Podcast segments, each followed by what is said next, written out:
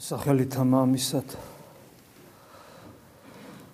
და ძისათა და სულისა წმინდისათა ადამიანი ცალკე აღებული თითოეული და მთელი სამყაროს შეიძლება თქვათ ასე ორ სიფტყეში ყოფიერებს, ცხოვრობს, არსებობს. ეს არის ის, რასაც თვალებით ხედავთ, შევიგზნობთ გზნობის ორგანოებით.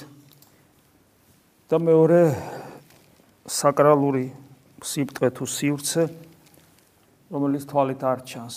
საფწუხაროდ კაცობრიობის საკმაოდ დიდი ნაწილი იმ პირველ გძნობად თვალისათვის, ხორციელი თვალისათვის ხილულ სივრცეში ცხოვრობს და არსებობს და ის საკრალური, საიდუმლო ტრანსცენდენტული რომელიც ამის პარალელურად მიდის, ვითარდება, გვეძახის, მოგვიწოდებს სამწუხაროდ რავალი ადამიანისათვის ეს დახურულია. ის რომ ჩვენ რელიგიურნი ვართ და ჩვენს რელიგიურ მოთხოვნილებებს გარკვეულწილად ეკლესიის წიაღში ვიკმაყოფილებთ, ცოტა უხეში სიტყვა ამ შემთხვევაში, მაგრამ რელიგიურობა სწორედ ეს სიტყვა შეშვენის ახლა ამთვის, ამ დროს ეს ჯერ კიდევ არ ნიშნავს, რომ ჩვენ გაცნობიერებულად საკრალურ სივრცეში ვიმყოფებით.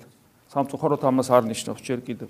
იმიტომ რომ ზოგადად რელიგიურობა ეს არის ადამიანის ბუნებისათვის დამახასიათებელი და სამწუხაროდ წმინდა წერილში ჩვენ კაცობრიობის დიაგნოზს ხედავთ, როცა ამბობს უფალი რომ უფლისაკენ სავალი გზა, სასუფევლისაკენ სავალი გზა ვიწროა და ის კარებიც ვიწროა, საიდანაც უნდა შევიდეთ და ცოტანი დადიანო მასეო და ხოლო წარწმედის გზა ეს არის ფართე, სადაც მრავალი ვლენან. ფართე გზაზე მოსიარულენი სულაც არნიშნავს, რომ არარელიგიურები არიან. ადამიანისათვის იმ საკრალურის დანახვა და განჭრეტა ძალიან რთულია. ძალიან რთულია. ყოველთვის მოყვას ხოლმე ამ დროს ილია თესბიტელის მაგალითი, რომელიც წულილ ნიავში, ანუ ოდნავ სიოჩქამში დაინახავს ღმერთს და არა გრიგალში და გრგვინვაში. ძალიან რთულია. დღეს ჩვენ ღვთისმშობლის წადრას მიყვანებას დღესასწაულობთ და თავისთავად ამ დღის გახსენება, რა თქმა უნდა, საფრთხისმოწყალო თვალსაზრისით ძალიან საინტერესოა და დამაფიქრებელიც, იმიტომ რომ მეტროპოლიის კითხულობდით, რომ დღეს, დღევანდელი დღე, ღვთის განგებულების დასაბამი არის. ღვთის განგებულების დასაბამი. ანუ ღმერთმა სამყარო რისთვისაც ჩაიფიქრა, ადამიანი რისთვისაც მოავლინა ამ სამყაროში, რისთვისაც მოქმედებდა წინასწარმეტყველთა პირით, გვასწავლიდა, გვაუწყებდა და ყველაფერი ეს, რაც ღმერთმა გააკეთა, ყველაზე მნიშვნელოვანი იწება დღევანდელ დღეს. ღვთის განგებულება, ანუ ღმერთმა რისთვისაც შექმნა სამყარო, იმ განგებულების დასაბამი დღევანდელი დღეა, როცა პატარა ბავშვი 3 წლის ბავშვი მარიამი მიყავთ ტაძარში.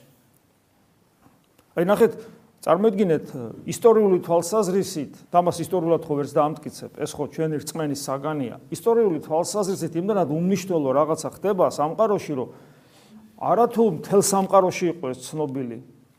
არამედ იუდეაშიც კი შეიძლება რამდენიმე ადამიანს გაეგო და ცოდნოთ, რამდენიმე ადამიანს. სამყაროს გზნობადი აღქმის თვალსაზრისით არაფერი არ მომხდარა. მაგრამ მოხდა დიდი საიდუმლოება, რომელიცაც ღვთის განგებულება, ანუ რისთვისაც შეიქმნა სამყარო, აი ეს პროცესი იწყება.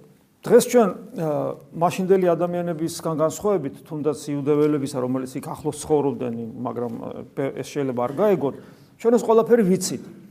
ვიცით არა თქვათ ამ შემთხვევაში ინტელექტუალური მეცნიერების საშუალებით, იმიტომ რომ მეცნიერულად უბრალოდ ვერ დადასტურდება, იმდანაც უმნიშვნელო მოვლენა იყო ფიზიკურად, ვიცით წმენი და ჩვენ ვიცით რომ წმენა შემეცნების ერთ-ერთი უნარია. წმენით ვიცით ბევრი რამ. მაგალითად ქრისტიანებმა და იუდეველებმა ჯერ კიდე და ქრისტიანებმა წმენით ვიცოდით, ვიცოდით წმენით. არა არა არა მეცნიერულად წმენით ვიცოდით რომ სამყარო არაფრისაგან შეიქმნა. ანუ ეს ძალიან მნიშვნელოვანია. სამყარო არა მასალა არ არსებობდა. არაფერი მასალა არ არის. ანუ მარადიულად რაღაცა მასალა რისგანაც ეს სამყარო აეწყო არ არსება არაფერი არ არის. არა მათ შორის არც დრო და არც სივრცე. და უცებ ეს სამყარო არაფრისაგან იქმნება ჩვენ ეს წმენით ვიცოდით იმიტომ რომ წმინდა წერილი ამას გვეუბნებოდა და შემდეგ მე-20 საუკუნეში ამას მიხვდნენ მეცნიერები უკვე მეცნიერულად მეცნიერულად მივიდნენ იქამდე. ისეთ ამას დიდი აფეთქების თეორია ქვია რომელიც 100 წელია პრინციპში უალტერნატივოა, რაც კი არსებობს სხვა თეორიები ჯეჯერობით მას ვერ ჯაბნიან და აგერ 20 საუკუნეში ეს ეს გაიგეს მეცნიერებმა უკვე მეცნიერულად. ანუ რწმენა არის შემეცნების უნარი. და ჩვენ რწმენით ვიცით, რომ ის რასაც დღევანდელ დღეს ზეიმობთ, ხრმა მარიამი რომ იყავ ტაძარში, ჩვენ ვიცით რწმენით. ხო მოგეხსენებათ თუ რწმენით ის ის ვიცოდით რომ სამყარო არაფრისაგან შეიქმნა, ეს გაცილებით უფრო რთული რთული შესამეცნებელი რამ არის, რომ სამყარო არაფრისაგან შეიქმნა, ვიდრე ის რომ ღვთის განგებით პატარა ბავშვი მიიყვანეს ტაძარში და შეიყვანეს წმინდათა წმინდათაში. ჩვენ გაცილებით თითქოს აი მეცნიერული თვალსაზრისით გაცილებით არათუ ღვთისმშობლის ტაძრად მიიყვანება შეიძლება ვერ დაადასტურო მეცნიერულად. მაგრამ 100 წლის იქეთ, მე-19-ის ბოლოს და მე-20-ის დასაწყისში ჯერ კიდევ ვიღაცას რო თქვა რომ სამყარო არაფრისაგან შეიქმნა, უბრალოდ აბსურდი იყო, ეს იყო აბსურდი, სრული. და სხვადასხვა ფილოსოფიური და რელიგიური სისტემებისათვის. ანუ არათუ ის რომ ვერ დასტურდება, არამედ უბრალოდ ეს ალოგიკურია და სისულელეა. სისულელეა უბრალოდ. მაგრამ აი ეს თითქოს ალოგიკური და სისულელეა მე მეცნიერებამ დაადასტურა. ანუ ჩვენ წმენით გაცილებით მეტი რამ ვიცით, მატერიალურ სამყაროშიც კი და ისტორიაშიც. ეს უცნაური ფენომენია რწმენა. რა თქმა უნდა, ძალიან დიდი ხიფათი წინაშე დგახარ, რომ რწმენა შეიძლება იყოს არასწორი. ის როგორც მეცნიერებას, კაცობრად თქვა, შეიძლება იყოს არასწორი. ანუ ადამიანი პასიური ვერც რწმენის მიერ სამყაროს შემეცნებაში და ყოფიერების შემეცნებაში და ვერც მეცნიერების მიერ სამყაროს შემეცნებაში ადამიანი პასიური ვერ არის, იმიტომ რომ შეიძლება რწმენას და მეცნიერებას იყოს ცდომილებებით ახსავს. ანუ მე ჩემ პასუხისგებლობას არსად არ ვკარგავ. მე პასუხისგებლობით შევიმეცნებ ყოფიერებას და სამყაროს, რწმენით იქნება ეს თუ მეცნიერებით პასუხისგებლობის წინაშე ვდგები, იმიტომ რომ შეიძლება ეს ინსტრუმენტები რწმენისა და მეცნიერებისა იყოს არასწორად მომუშავე და შეცდომაში შემიყვანოს. ამიტომ ჩვენ პასუხისგებლობას ვერსად ვერ გავექცევი. ღვთის განგებულების დასაბამი, რასაც ეწოდება ის, რაც მოხდა, მიუხედავად იმისა, რომ გზნობადი თვალსაზრისით თითქოს არაფერი, აი საკრალური მნიშვნელობით არის ის იმდენად მნიშვნელოვანი, იმდენად მნიშვნელოვანი, რომ მე ქრისტეს მისტიკური სხეული, ანუ ეკლესია იტყვის, რომ ეს არის ღვთის განგებულების დასაბამი. ახლა მე დღეს ეს ვიცი, რწმენით, ვისაც მიუბრუნდი ჩემ ცოდნას. მაგრამ ეს ცოდნა როგორია? ეს ცოდნა არის რაღაც ფაქტის კონსტანტირება, რომ ეს მოხდა და ჩემი მენტალობა ამას რწმენის საშუალებით იღებს, რწმენა კარნახობს ჩემს ლოგიკურ აზროვნებას და ის იჯერებს, იმიტომ რომ რწმენა უპირატესია, როგორც მორწმუნეში, ჩემთვის რწმენა უპირატესია. თუ კიდევ უფრო მეტი სიღრმე აქვს მას ჩემში მიცემული და ეს ხო ძალიან მნიშვნელოვანია. აი წარმოიდგინეთ, მე ხომ წამს, რომ ეს მოხდა და რა ამერე?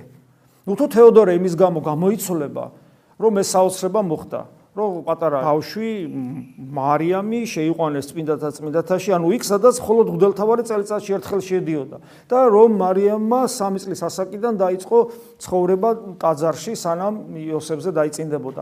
ნუ თუ ეს ცოდნა მე რამეს მაძლევს და რამეს რამეში და მეხმარება? მოხდა ეს, გასაგო არასასწაული მოხდა და მე იქ რაც მოხდა ვიცით, ხო? იგი გამზადა როგორც ჭურჭელი, მარიამი გამზადა როგორც ჭურჭელი და გახდა იგი ღვთისმშობელი, სხვაგვარად თქვა, იგი გახდა ტაძარი, რომელშიც ღმერთი ჩასახლდა. ყოველწმინდა ღვთისმშობელი იყო პირველი ადამიანი, რომელშიც მოხდა იმის რეალიზება, რისთვისაც ადამიანი შეიქმნა, რომ ადამიანი გახდეს ღვთის ტაძარი. რა თქმა უნდა, ეს თელი სისავსით, არა გარკვეული ზომით, არამედ თელი სისავსით მოხდა მაცხოვარში, მაცხოვარში, მაგრამ საოცრება ის არის, რომ მაცხოვარი სწორედ ღვთისმშობელში იწყებს განკაცება ღვთისმშობელში ხდება და ცაზე უპირატესი, ამიტომ არის ანგელოსთა და ნებისმიერ ანგელოსთა დიადი ღვთისმშობელი, რომ ცაზე უპირატესი გახდა მასში ღმერთი ცხოვრებას იწყებს. ეს გონება მიუწვდომელი რეალობებია, რომელსაც ჩვენ ლოგიკურად რაც მეტად მოინდომებ ახსნას და ჩაღმოებას, უფრო მეტად განცვიფრდები უკეთეს შემთხვევაში და ანუ არა შემთხვევაში ლოგიკა ჩადგება შენსა და აი ამ საიდუმლოებას შორის და რაღაც არასწორ სისულელებს გაფიქრებინებს და გათქმეინებს. და ეს ფაქტი ჩვენ გვწამს, წმენით ვიცით, მაგრამ მე როგორ მეხება ეს და ჩვენ როგორ გვეხება ეს. რამდენად ჩვენთვის ამან გამოიღო რაიმე ناقოფი. თუ არ გამოიღო არაფერი ناقოფი. ის საკრალურობა, რომელსაც რომლითაც ეს მოვლენა ხასიათდება, აშკარად, ხო? რამდენად ჩემს ყოფიერებას ხდის საკრალურს, ანუ რამდენად საიდუმლოებრივს, მისტიკურს, რამდენად ხდის? თვითონ ის ფაქტი, რომ ყოვლადწმინდა ღვთისმშობელი ჩვილი ყრმა, ну, სამი წლის როგორ უწოდოთ ყრმა არის ალბათ, ხო? შედის წმინდათა წმის შეყავს, შედის მადლით შედის. იმიტომ რომ ღვთელთავარმა რომელმაც შეიყვანა ის ის ღვთის მადლით იყო აღძრული, როცა ეს ხდება, ღმერთ შეყავს ფაქტობრივად, ხო? თვითონაც სასწაულობრივად მოევლინა მოხუც მშობლებს იოაკიმ და ანას. თვითონ ეს ფაქტი რატომ ხდება? რატომ ხდება, რომ მისი არჩევანი ღვთისმშობლის როგორც თავისუფალი პიროვნების არჩევანი განჭორეტილია ღმერთის მიერ? ღვთისმშობელი არის ადამიანი, რომელიც ყველაზე მეტად თავის პიროვნული არჩევანით ყველაზე მეტად დაუპირისპირდა სამყაროში რა ვისაც უცხოვრია და ვინც მე იცხოვრებდა ყველა ადამიანს შორის ყველაზე მეტად დაუპირისპირდა ადამიანისაგან მიღებულ მემკვიდრეობას, პირველ მშობელთა ცოდვას ყველაზე მეტად დაუპირისპირდა და რადგან ეს მისი არჩევანი ღმერთისთვის ხო დრო არ არის, რასაც ღვთისმშობელი ხვალე გააკეთებდა, ღმერთისთვის ის დღეს იყო ცნობილი, იმიტომ რომ ღმერთისთვის ხვალე უბრალოდ არ არსებობს, ღმერთისთვის ხვალე ისეთივე დღევანდელი დღეა და გუშინ ისეთივე დღევანდელი დღეა, როგორც დღევანდელი დღე. არ არსებობს დრო ჩვენ ჩვენი ყოფიერება არის გაწელილი. და ღმერთთან ეს ყოფიერება გაწელილი არ არის, ყველაფერი კონცენტრირებულია დროის გარეშე. ამიტომ ღმერთმა ეს ყველაფერი, რა თქმა უნდა, იცის რომ ამბობ, იცის არა წინასწარმეტყველურად, არამედ იცის იმიტომ რომ მან იცის ყველაფერი ბუნებრივად იცის, ეს მისი ბუნებრივი მდგომარეობაა ღმერთისათვის. ამიტომ მან იცის რა ღვთისმშობლის არჩევანი, იცის იცის ღვთისმშობლის ღვთისმშობლისათვის წინასწარ, მაგრამ ღმერთისათვის ეს არ არის წინასწარ. ღმერთმა უბრალოდ იცის ღვთისმშობლის არჩევანი, მას უქმნის ისეთ პირობებს, რომ ეს პირობები მას მის არჩევანის რეალიზებაში კიდევ მეტად დაეხმარება და იგი ყველაზე წმინდა სამყაროში ყველაზე წმინდა გარემოში იწყებს ცხოვრებას. მაგრამ საოცრება ისაა, რომ ეკლესია ახაც საოცარ ამას ამბობს. ეკლესია როგორც სვეტი და სიმტკიცე ჭეშმარიტებისა თავის ერთ-ერთ საგალობელში ამბობს, რომ ხო თითქოს ყველაზე წმინდათა წმინდა ადგილას შევიდა სამყაროში წმინდათა წმინდა სადაც კიდევ ვიმეორებ მხოლოდ ღდელთავარი მხოლოდ ღდელიც არა მხოლოდ ღდელთავარი ის ისიც მხოლოდ წელიწადში ერთხელ შედიოდა და ღვთისახურებას აღასრულებდა და თუ რამე უნდა იქ მას ამცნობდა. შედის ანუ ფაქტობრივად ტაძარი სწორედ ეს არის. წმინდათა წმინდა. დანარჩენი ყველაფერი უკვე მისი დამხმარე. როგორც მაგალითად დღევანდელ ტაძარში თავარი არის საკურთხეველი და თავარი არის ტრაპეზი ხო? სადაც აღესრულება ღვთისმსახურება და ყველანი მის გარშემო ვარ. და ერთად საგალობეს წერია რომ და მადლსა შეიტანს ანუ ტაძარში ყველაზე წმინდა ადგილას შედის და ღვთისმშობლს მადლიში აქვს. ამით ეკლესია მეუნება რომ ღვთისმშობლში იწყებს რეალიზებას ის საიდუმლოება რასაც ადამიანის ღვთის ტაძრად ყოფობა ქვია და ამით მერე პავლე მოციქული იტყვის ამას ხო? კიდე ხაზგასმით რომ ადამიანი აღმატებულია ნებისმიერ ქრისტაძარზე იმიტომ რომ მასში ისეთი სიდიადით ცხოვრობს ღმერთი როგორი სიდიადითაც ტაძარში ღმერთი არ ცხოვრობს. არც ერთხელ თქმილ ტაძარში არ ცხოვრობს. თვითშობელი შედის ეს საიდუმლოებას ყველაზე სიწმინდეში შედის ადამიანი მოდი ესე ვთქვა რომელსაც აქეთში აქვს მადლი, აქეთში აქვს მადლი. იწებს იქ ცხოვრებას და რეალიზდება იგი როგორც ღვთის ტაძარი, რომელშიც ღმერთი უნდა დამკვიდრდეს. ამ პროცესში ყოვლადწმინდა ღვთისმშობელი არ არის უბრალოდ ვრმა იარაღი. რაც წინასწარნა ვიცოდეთ, რომ აბსოლუტურად შეუძლებელია ღმერთი არ მო კი, ღმერთი ხანდახარ მოქმედებს ადამიანის საშუალებით როგორც ვრმა იარაღი. მაგალითად, ბალაამი და ბალაამი კი არა მისი სახედარიც კი. რომელიც ღვთის მადლით ამეთყოლდება ის სახედარი და ბალაამიც ამეთყოლდება ღვთის საფრთხო საქმეს იტყვის და კაიაფა რომელიც ქრისტეს მკვლელია და მასეც ღვთისული გადავა. ხანდახან ხდება ხანდახან ხდება რომ ადამიანი ადამიანის საშუალებით მეტყოლებს ღმერთი ადამიანის ნების გარეშე მაგრამ ამ დროს ეს ამ ადამიანისათვის ეს მაცხოვნებელი არ არის ხოლო ღვთისმშობლისათვის რა თქმა უნდა ღვთისმშობლის ღვთის დედობა მაცხოვნებელია, ბუნებრივია, თავისთავად ცხადია და ახამას არ ჩაუღმობდები ეს მე მგონი სადაც ცხადზე ცხადია და ამიტომ ყოვლადწმინდა ღვთისმშობელი იქ იმყოფება ისე რომ იწყებს თანამშრომლობას საფრთხო მადლთან. და აი გრიგო პალამას საოცარამეს ამბობს რომ ის დიდებულება რაც ღვთისმშობელში მოხდა, რომ ღმერთის დედა გახდა და გახდა საყდარი, ეს ამ დიდებულებისათვის ღვთისმშობელი იწყებს მყუდრო, საიდუმლო მყუდრო ცხოვრებას, დუმარე, მყუდრო, დუმარე საიდუმლო ცხოვრებას, რომელიც აღესრულება მის შიგნით. და ხდება ღვთის მჭვრეტელი საკუთარ თავში ისეთი მე რეგ მოსესაც ადრის და მოსე მოსე წარმოიდგინეთ სინასთაზე რო ადის რომ იმდენად დიდი მადლი შევიდა მასში რომ რომ გამოვიდა ისი ასხივებდა მოსე რომ სახეს იბურავდა რომ ვერ ყურებდა სახეზე თვალებს ჭრიდა მისი მისგან გამომავალი ნათელი. და მოსეზე გაცილებით აღმატებულ მდგომარეობაში წარმოაჩენს ბუნებრივი სარი ღვთისმშობელს ასე იგი ადამიანი არც მანამდე არც მე არავინ არ ყოფილა და არც არავინ არ იქნება. ისეთი ვისაც ესე ამგვარად განუჭრეტია საკუთარ თავში ღმერთი როგორც ღვთისმშობელმა გაანჭურიტა და ამისათვის ესე იგი იგი ეძლეოდა მან აირჩია ესე იგი სოფლისაგან განშორებულობა სრული ეს მისი არჩევანის გახდა. ნელ-ნელა ხო იზრდება იქ მისი არჩევანიც არის ეს. იგი განისწავლებოდა ღვთის სიტყვაში იმიტომ რომ მას მუდმივად ესმოდა წმინდა წერილის კითხვა და თავის თავში აღასრულებდა ღვთისმსახურებას, მჭრეტელობას ღმერთისას, ამიტომ არის დღევანდელ საკითხავში, რომ მარიამი და მართა შედარება რო არ და მარიამი ქრისტეს მჭრეტელობას შეეძლება და უფალი რო ამბობს, ეს არის ის სიკეთე, რომელიც მარადიულია თავისი არსით, რომ არასოდეს არ წაერთმევა მარიამს, იგი ღვთისმშობლის სიდიადე იმაშია, რომ ასრულად დაიმარხა ღვთის სიტყვა საკუთარ თავში და კიდევ ვიმეორებ, ამისათვის იგი ეძლეოდა მდუმარე საიდუმლოებრივ მჭრეტელურ მყუდრო ცხოვრებას და მოგცა დასაბამი, დასაბამი იმ გონიერი ლოცვის სიდიადისა, რომელსაც მე მე გრიგო პალამას ასე ფაქტობრივად დოგმატის რანგში აყავს შეიძლება ასე ითქვას. და აი, როცა საუბრობდით თავიდან ჩვენზე რომ ჩვენ რა რა დამოკიდებულება უნდა გქონდეს აი ამ დღესასწაულის მიმართ, აი ნახეთ რა საოცარია. აი თუნდაც დღევანდელი დღე, ჩვენ მოვედით ტაძარში დღეს. მართალი არა ვართ სამი წლისები და სამწუხაროდ არა ვართ უმანკონი და ჩვენი პირადი არჩევანი, პიროვნული არჩევანი, რადგან აქ ვართ, არ არის ცოდვა. ჩვენი პიროვნული არჩევანი არ არის ის მანკიერებები, ის ის ნაგავი უკაცრავად ამ სიტყვაზე, რომელსაც ჩვენ გულში ვატარებთ. და ეს ნაგავი შეიძლება ცოდვა საერთოდ არ იყოს თავისთავად აი რაღაც ესე იგი ადამიანური გაგებით დანაშაული.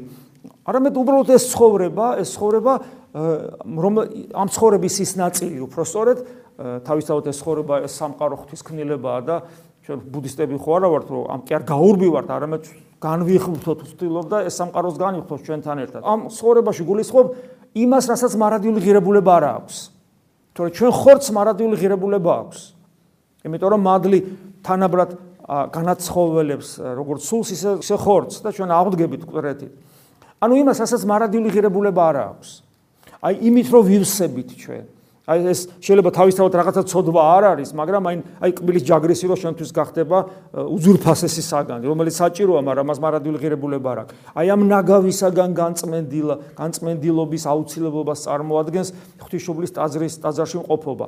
იგი განეშორა ყველაფერს. გასაგებია რომ ჩვენ ასე ვერ გავაკეთებთ, მაგრამ არსობრივად დამოკიდებულება ესეთი უნდა ქონდეს. ყველაფერს თავის სახელი ხო უნდა დავარქვათ. ჩვენ უნდა ვიცოდეთ რომ აი ეს რომელიც მომჭირდება და საჭიროა. გასაგებია, მაგრამ მას არ აქვს მარადიული ღირებულება, ამიტომ ამიტომ მას ჩემს გულში არ უნდა ვუშვებდე, მე უნდა ვიბრძოდე ამისათვის, რომ ჩემ გულში ის არ დამკვიდრდეს. ამიტომაც არის სიკვდილის ხსოვნა ერთ-ერთი უდიდესი სათნოება, იმიტომ რომ სიკვდილი ყველა ყველაფერს თავის ადგილას არ აქვს, ვიღაცას რაღაცა რომ მოსწონს, ან თქვა, ან კარიერა იქნება, ან მიწიერი რაღაცა იქნება და უცებ ახსენდება, რომ კი, კაია, ვაკეთებ რაღაცას, მაგრამ ჩვენ ამას მარადილი ღირებულება არ აქვს. და არ შეიძლება მას ჩემს გულში კონდეს ადგილი. გესმით ჩემი სიკვდილი ამ ყველაფერს განახარწყლებს და გააქრობს. ღვთისმშობლის მაგალითი არის მაგალითი თითოეული ჩვენგანისათვის. ჩვენ აქ მოვდივართ. თქო კიდევ ვიმეორებ არა ვართ სამწუხაროდ ის სიწმინდე და ის ისუფთავე და ის არაფერი არა გვაქვს. არაფერი მაგრამ პიროვნული არჩევანი წმინდაა ჩვენი. ამიტომაც არის აი წმინდაა წმინდათა. არ შეიძლება ადამიანი პიროვნული არჩევანით არის წმინდა არ იყოს და ის ეზიარო რა აზრი აქვს? და რა არის პიროვნული არჩევანი რატომ არის მე ნაგავი ვარ ცოდვილი ვარ ესე იგი ცოდვებით დახუნძლული, მაგრამ ჩემ პიროვნული არჩევანი წმინდა რატომ არის? თო ჩემ პიროვნული არჩევანი თანხვედრაშია ღვთის ნებასთან. ღმერთსაც უნდა, მეც ის მინდა. ღმერთს უნდა რომ მე მასთან ერთად ვიყო მარადისობაში. მეც ის მინდა და აი ამ სურვილით, ამ პიროვნული არჩევანით მოვდივართ აქ, მიუხედავად ჩვენი ცოდვილობისა და რას ვაკეთებთ?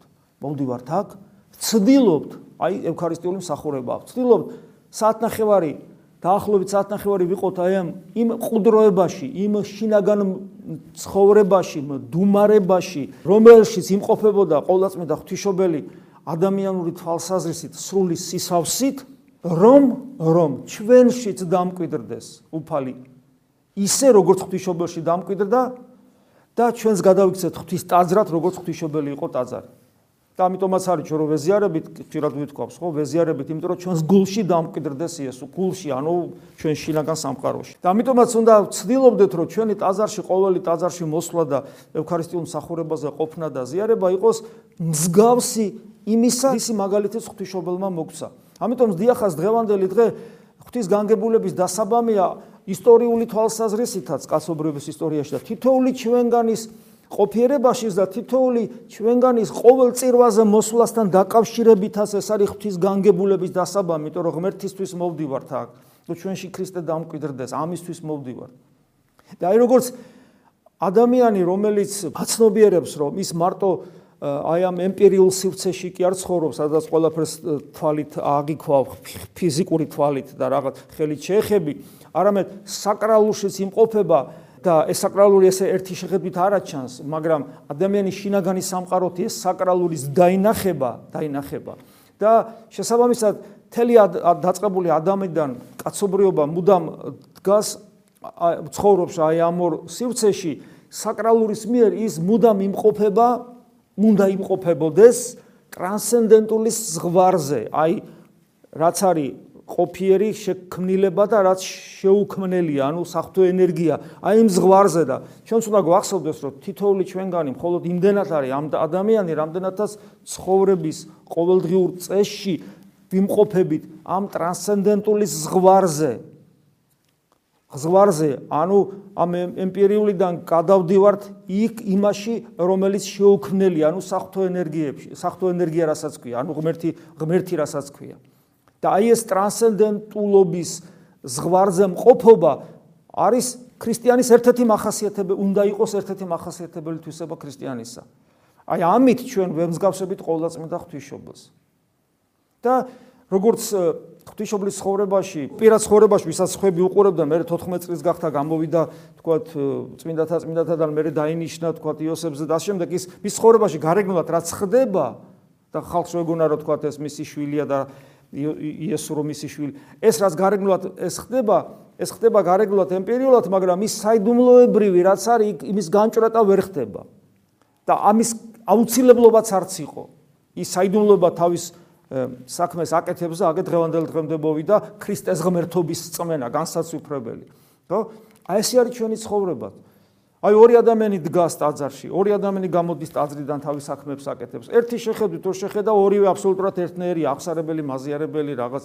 ერთი შეიძლება ერთი ადამიანი შეიძლება ტრანსცენდენტული ზღვარზე იდგეს მუდმივად და ის ის მართლა გავდეს ღვთისმშობელს და მის შიგნით რაღაც დიდებულება ხდებოდეს და მეორე ადამიანი რომელიც გარეგნულად არაფრით გაირჩევა და სოციუმში ჩვეულებრივი კეთილშობილი და ზნეობრივი ადამიანია როგორც პირველი და მის შიგნით შეიძლება არაფერი არ ხდებოდეს მსგავსი.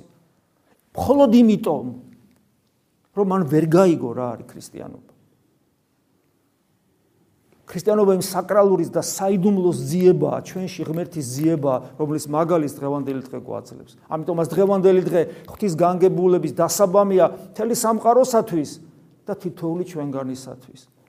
და დღევანდელი დღე გვასწავლის და გვაიძულებს, მიგვითითებს, გავალდებულებს, რომ ჩვენ აი ამ ზღვარზე დავდგეთ მუდმივად და გამჭრიტოთ ზოგადად ცხოვრებაში და ჩვენს პირად ყოფიერებაში და ცხოვრებაში აი საკრალური ის ტრანსცენდენტული ზღვარი, რომელშიც უნდა ვცხოვრობდეთ, ჩვენ უნდა ვცხოვრობდეთ იმ ზღვარზე. თუ როგორ დავიცვლებით? ჩვენი გადარჩენა მხოლოდ ტრანსცენდენტულშია. არა იმაში, რომ გარდავიცვალე, ჩემი სული გამოვიდა და კაცმარისი სად მოხდება და ჩაკეტილი აღმოჩნდება ამ ქმნილებაში. არამედ ტრანსცენდენტულისშია გადაჩენა, ანუ ჩვენ ღმერთნი უნდა გავხდეთ საფრთხო მადლით ენერგიით, ჩვენ ღმერთში უნდა გავიდეთ. და მე ეს არის გადარჩენა ჩვენი სხეულისაც, მე ამ სამყაროს განახლების საფუძველიც, როგორც პეტრე მოციქული ამბობს, როცა ეს თელი სამყარო გარდაიცვლება და გახდება ახალიცა და ქვეყანა, ყველაფერი ეს არის დამოკიდებული იმაზე, რამდენად, რამდენად ჩვენ ამ ზღვარზე ვცხოვრობ ტრანსცენდენტული ზღვარზე, რამდენად შევდივართ იქ და როგორც ეფესალთა მართ ეპისტოლეში ამბობს, ჩვენ უკვე ზეცაში ვართ ქრისტესთან ერთად, რამდენად ამას გზნობთ, რამდენად განვისხდით და რამდენად ეს ყველაფერი რეალიზდება ჩვენ ცხოვრებაში, ჩვენ შიგნით და ყოველი წირვის დროსაც. ამიტომაც არის რომ ჩვენ ჩვენ ჩვენ როგორც ღვთისტაძარნი ღვთისახურებას ღვთისახურება დასრულდა ეზიარები და წახვალთ მაგრამ ღვთისახურება დასრულდა აქ ამ ტაძარში და ღვთისახურება ჩვენში არ სრულდება. ის გრძელდება გონების მიერი ლოცვითი მდგომარეობით. ანუ შენი გონებით გულში მუდამ იესოს რო ეძებ და მოუხმობ.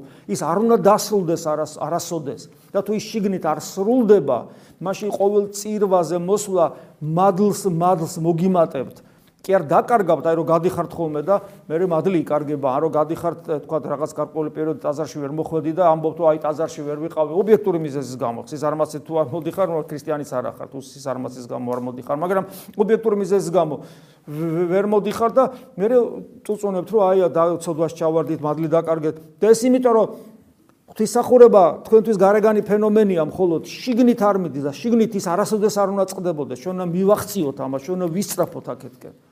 და თითოეული ადამიანი მე როგორც ღვთისმშობელი ისე იცხოვრებს. რომელშიც შიგნით მუდამ მუდამ ლიტურგია აღევლინება მუდამ ღვთისახურება აღევლინება. ეს ესე უნდა ცხოვრობდეს იდეაში ქრისტიანი.